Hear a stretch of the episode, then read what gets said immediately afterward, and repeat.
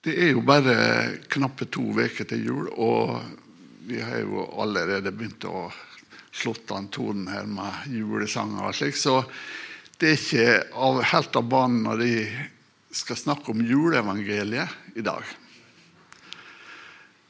Og som overskrift så har jeg sagt 'gode nyheter' for 365 av 365 dager. Så juleevangeliet er egentlig ikke noe som vi tar fram bare i jula. Det er det samme evangeliet. Det er det samme evangeliet som vi kan ta til oss hver en eneste dag. Og hva, men hva er et evangelium?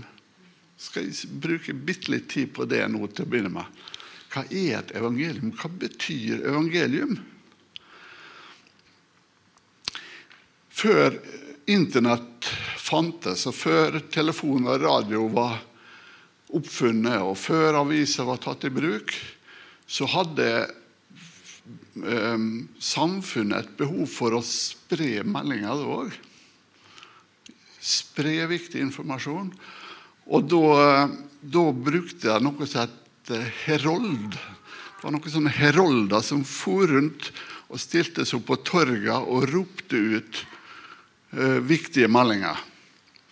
Og mye av meldingene var jo negative. Det var om krig og pest. og Pest er altså det samme som pandemi, for den som er mer familiær med det. Eller det var mer nøytrale meldinger om lover og skatter og folketellinger. og slike ting. Det er fortsatt heroldene ropte ut. Men en sjelden gang så var det noen meldinger som var spesielt gode. Og, og det beste av de gode meldingene ble kalt evangelium.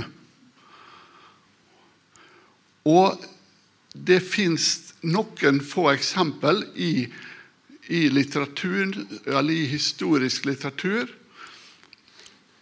om at det ble forkynt et evangelium, og da er det ikke snakk om Det er ikke bibelsk, altså det er ikke fra Bibelen. Det er et uh, veldig nøytralt ord, som heter evangelium. Ikke det stilig? Og hva betyr det ordet?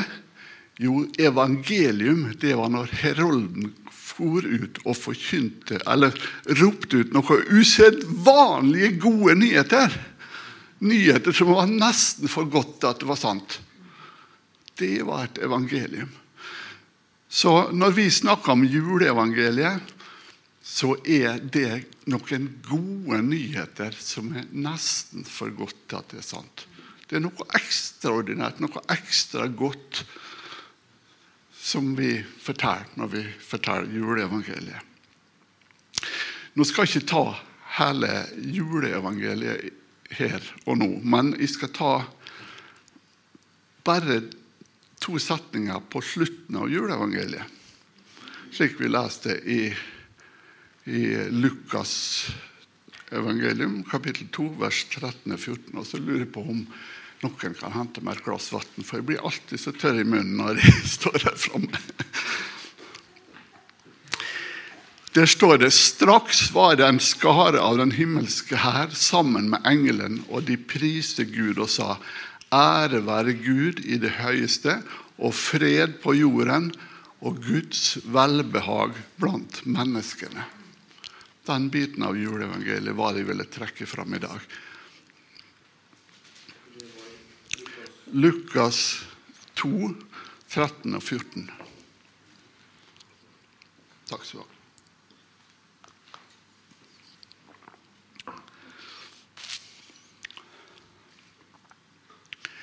Hva betyr egentlig Guds velbehag blant menneskene? Det var liksom det jeg har lyst til å ta litt fram. For det, det er noe slik, litt sånn høytidelig språk som vi ikke forstår. Så jeg har studert litt på hva betyr det Guds velbehag blant menneskene. Og jeg har sett litt på forskjellige biologoversettelser, bl.a. på den engelske. Og der, det jeg kommer fram til, at det det egentlig betyr, er at Gud har velvilje for menneskene. I den gamle King James-oversettelsen står det 'good will towards men', og det samsvarer veldig godt. Altså Det englene ropte ut om, det var at Gud er velvillig for dere, Gud er glad i dere. Og det at Jesusbarnet nå var født, det var jo det som var forut eh, for anledninga for at de ropte dette ut. Det, det, var jo fordi at Jesus ble født som et menneske på jorda med en spesiell hensikt. Det vet dere. Hvor han, hvor han, skulle, han virka her i tre år, og så døde han for oss på korset. Og det var fordi at Gud har velvilje mot oss. Gud er glad i oss.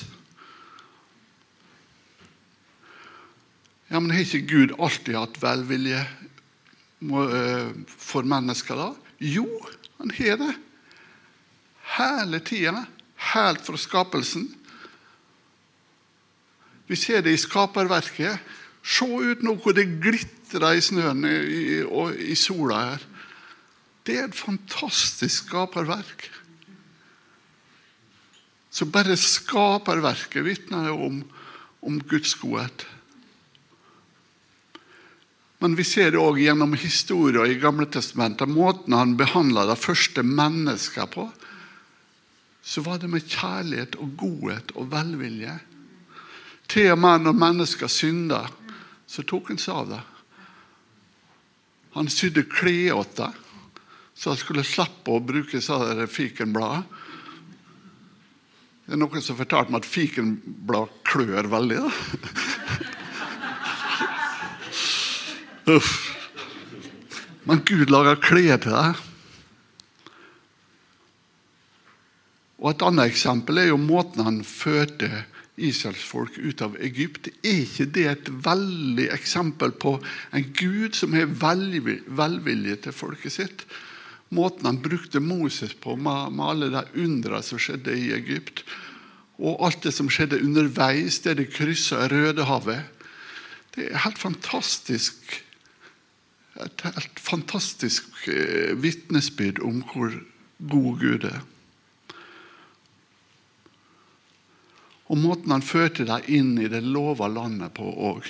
Selv om det tok litt tid. Jødene var de var ikke så samarbeidsvillige. Jeg trodde ikke at han var så glad i det. De var sur og sinte ofte. Men han var, Gud var tålmodig med dem og førte dem inn i landet. Men med Jesu fødsel så tar han den velviljen til et enda høyere nivå. Gud ble født som et menneske i Jesus Kristus.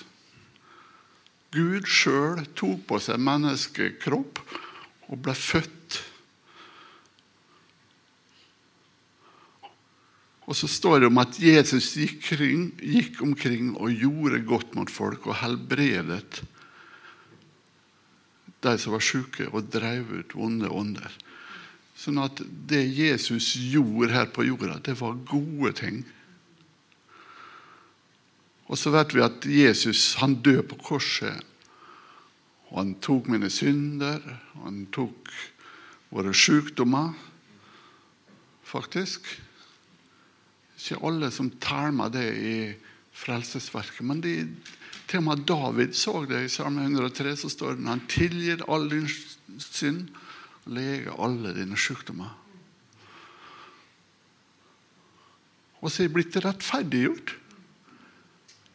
Jeg er blitt rettferdiggjort.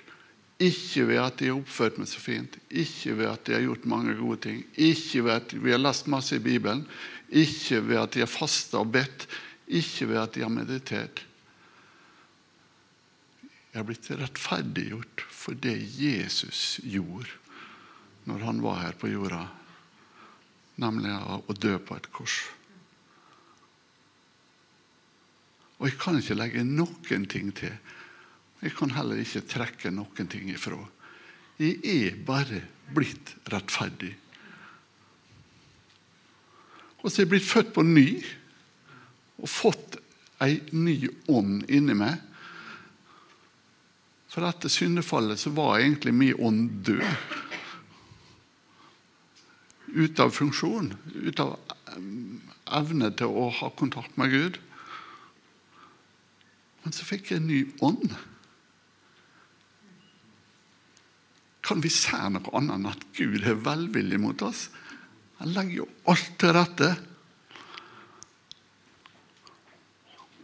Og så krona på verket er det som står i Johannes 4, 17, at de er blitt Jesus lik. Og derfor så kan jeg ha full frimodighet på dommens dag. Beklager i dag at jeg ikke har fått Jeg glemte å sende versene til, til Kjetil som fikk det på skjermen. Men det er ikke så veldig mange vers i dag. Så vi kan slå fast at juleevangeliet er usedvanlig gode nyheter. Englene i Betlehem er herolder som synger ut om disse gode nyheter med en enorm glede og takknemlighet. Og nyheten er at Gud har velvilje mot mennesker. Var det bare velvilje for de som var i Betlehem siden han kom til Betlehem? Nei, det var ikke det. Var det for det som var i Jerusalem? Nei, det var ikke engang for alle jødene. Det var for alle mennesker i hele verden. Johannes han skriver at for så høyt har Gud elsket verden både det gode og det vonde, det snille og det slemme. At han ga sin sønn den enbårne for at hver den som tror på han, ikke skal gå fortapt, men ha evig liv. Johannes 3, 16, det som blir kalt for den lille Bibelen. Så Gud har velvilje mot det, samme hvem du er. For nå har jeg lyst til å si en ting her. Vi har så lyst å trekke ifra ting. Ja, du kan si at Gud er velvillig mot meg, men han liker nå ikke det. han liker nå ikke det. Vi må nå få orden på det først. og det må, må pynte på litt man må lese mer i Bibelen. Må... Nei, Gud er velvillig mot det samme hvem du er. Samme hva slags nasjonalitet du har. Samme hva slags bakgrunn du har. Samme hva slags familie du har vokst opp i. Samme hva vonde ting du eventuelt har gjort. Samme hva andre har påført det. Samme hva andre har sagt om det. Samme hva tabber du har begått så er det sant at Gud er velvillig mot det. Akkurat slik som du er, så er Gud velvillig mot det. Gud elsker det. Mange har framstilt Gud som sur og sint og streng og mange sånne ord. Og at vi må gjøre masse ting for å blidgjøre Han. Det er slik religionene, de forskjellige religionene framstiller Gud. At vi må gjøre så masse ting for å blidgjøre han. Men sånn er vi ikke. Sånn er det ikke. Gud har velvilje for oss, kjærlighet til oss, uansett. Og, men du trenger å vite det for å nyte godt av det. Det er derfor jeg står her og sier det. For at vi blir nemlig slik som vi tror. Vi blir slik som vi tror. Vi får det vi tror.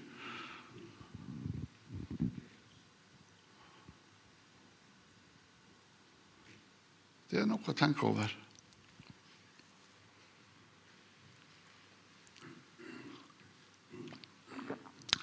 Det var derfor de forskjellige folka ikke kjente igjen Jesus etter at han var stått opp. For de trodde egentlig ikke inni hjertet sitt at han kunne stå opp.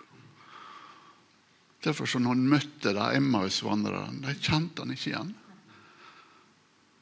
For det var liksom for godt til å være sant.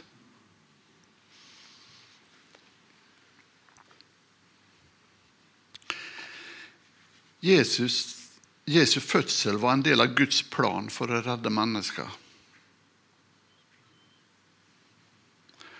Og det var ikke noen kriseplan. Gud visste det. Allerede før verden var skapt, så visste han at mennesket kom til å synde. Han visste at vi kom til å forlate den. Og han visste at vi kom til å trenge en frelser. Derfor så står det i Guds ord at allerede fra verdens grunnleggelse så var det planlagt at Jesus skulle fødes og ta vår synd. Dø på et kors og ta vår synd.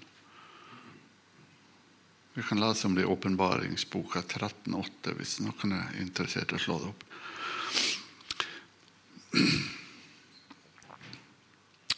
Men nå er det 2000 år siden dette skjedde. Og verden rystes fortsatt av pandemier.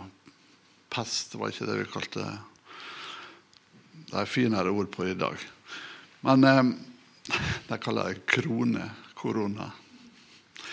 Men vi rystes av pandemi, vi rystes av kriger og rykter om kriger. Vi rystes av urettferdighet, og vi rystes av nød. 2000 år etterpå at Jesus var født. Betyr det at juleevangeliet ikke har virka? Ja, absolutt. De usedvanlige gode nyhetene som juleevangeliet representerer,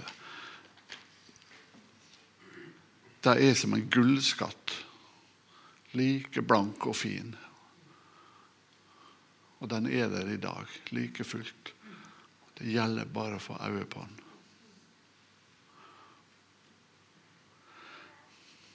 La oss se på Johannes 3, 16 igjen. Der står det For så har Gud elsket verden, at han ga sin sønn den enbårne, for at hver den som tror på han, ikke skal gå fortapt, men ha evig liv. Evig liv. Effekten av at Gud elsker verden, er at vi skulle få evig liv.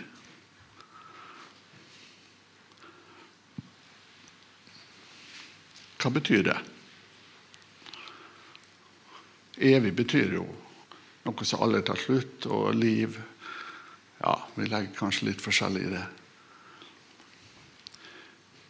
Men Bibelen sjøl definerer hva det er, så vi slipper å spekulere. I eh, Johannes 17, 17,2 står det eh, Skal vi se eh, Skal vi se Nå må jeg hoppe litt her, tror jeg.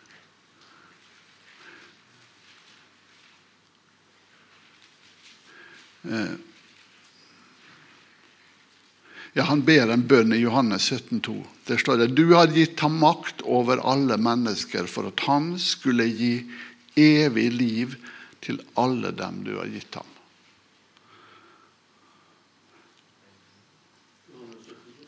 Johannes 17,2. Du har gitt ham makt over alle mennesker for at han skulle gi evig liv til alle dem du har gitt ham. Noen som eh, tror på sånn predestinasjon, de tolker seg versene her slik at, at uh, du har gitt makt av alle mennesker, så har du plukka ut noen som skulle gi evig liv til. Det er ikke rett. Det står at du har gitt ham makt over alle mennesker for at du skulle gi evig liv til alle dem du har gitt ham. Det betyr evig liv til alle Ikke sant? Er dere enige? Evig liv til absolutt alle.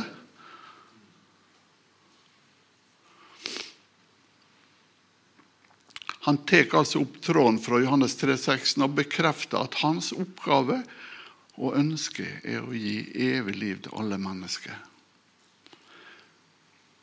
Man ser jo at ikke alle vil ha det. Det er en annen ting. Det er ikke alle som vil ha det. Han tvinger jo ingen. Men i utgangspunktet så er han gitt evig liv til alle mennesker. Men så kommer han med en utdypning av hva evig liv er for noe. Hva er egentlig evig liv? Og Da går vi til Johannes 17, 3, vers etterpå.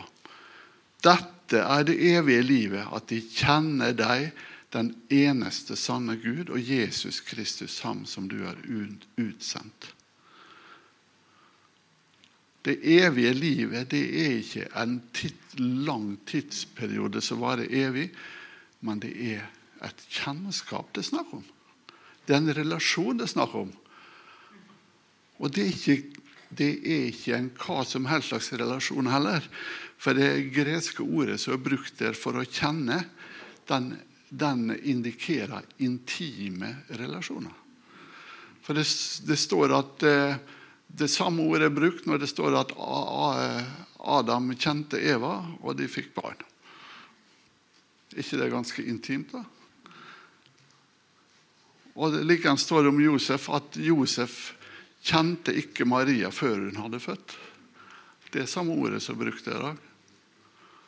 Det indikerer at de hadde ikke en fysisk intim relasjon før etter Jesus var født. Men når det samme ordet er brukt her, at det evige liv er å kjenne eh, deg og e, den eneste sanne Gud og Jesus Kristus som du har utsendt, så betyr det at det er en Det er ikke bare sånn hei-relasjon, men det er en intim, nær relasjon.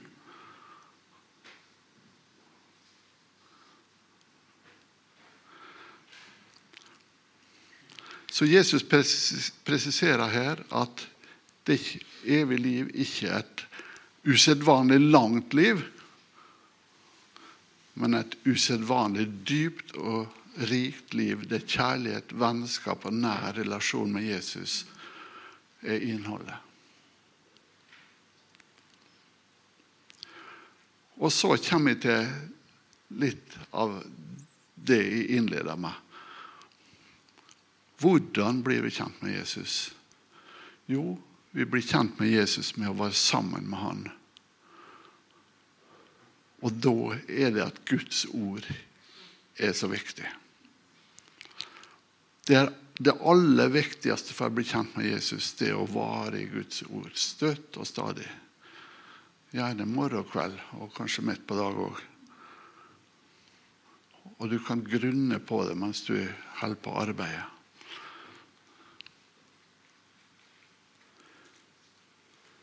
Guds ord og Jesus det er jo ett. Johannes 1, 14 sier jo at ordet ble kjøtt og tok bolig blant oss. Sånn at Guds ord og Jesus er ett. Så når vi er i ordet, så er vi egentlig sammen med Jesus. Med å lese ordet, studere ordet og grunne på ordet, så er vi sammen med Jesus. Og vi vil da møte, han vil møte oss med kjærlighet gjennom ordet sitt. Vi blir bedre kjent med han. Og han vil åpenbare hvem vi er. Hvor akseptert, hvor djupt akseptert vi er. Vi vil oppdage hvor høyt han elsker oss, og alt han har gitt oss.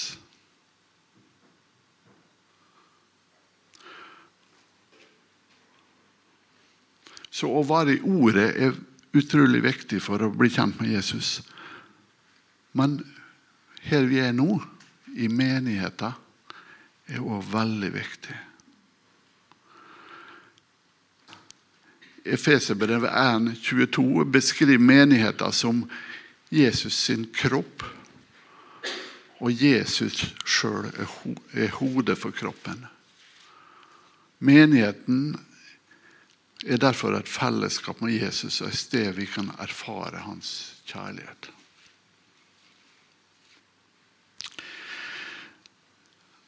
Alt det som jeg snakker om her nå, det er noe vi må ta imot i tru.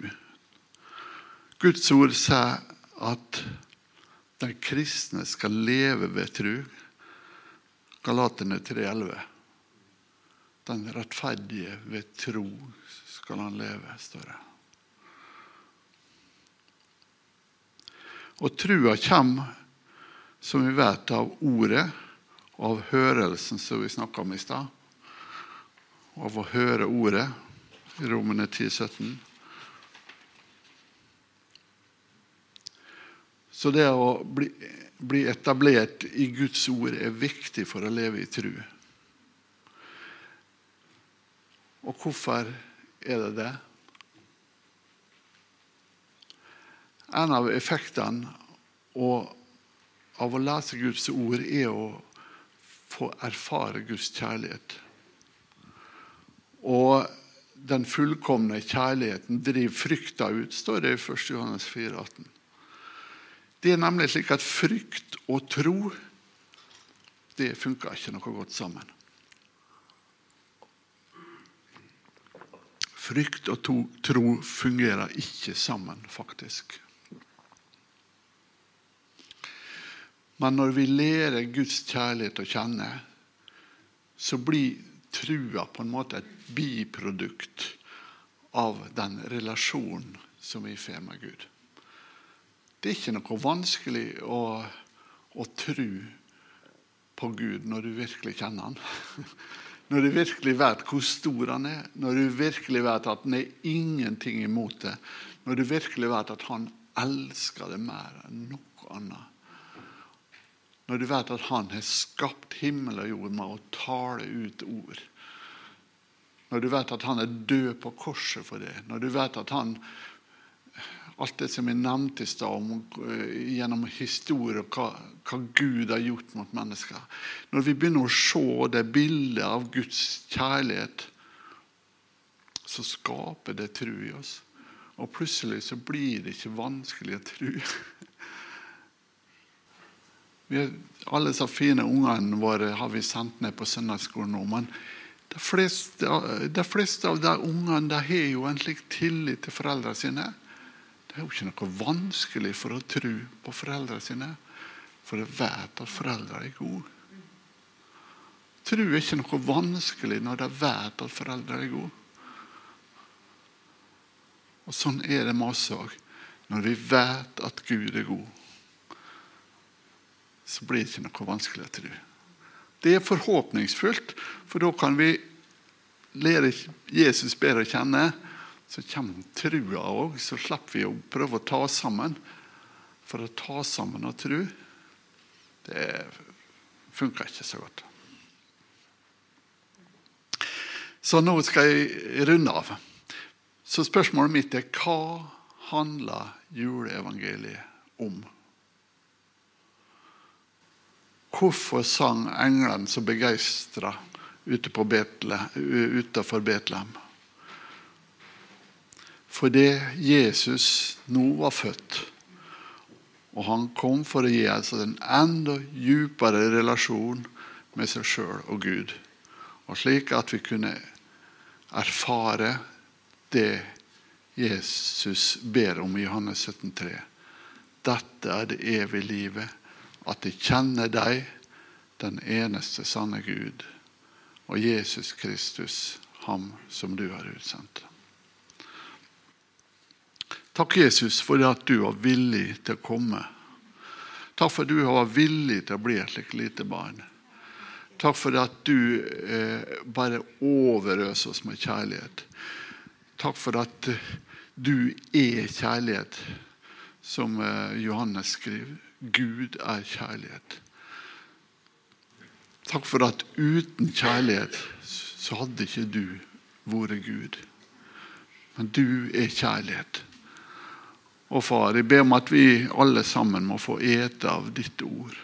At vi må få ta til oss ditt ord, og at vi må få vokse og bli trygge i trua. At trua kan få komme som et biprodukt av at vi kjenner det og din kjærlighet, Jesus.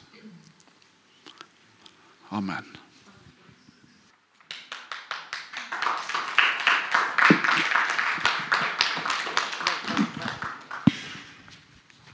Vent litt. Så bra. Um, du snakka om å leve i Guds ord. Og så er vi forskjellige mennesker her. Uh, ja. Og du er pensjonist, og du elsker å lese.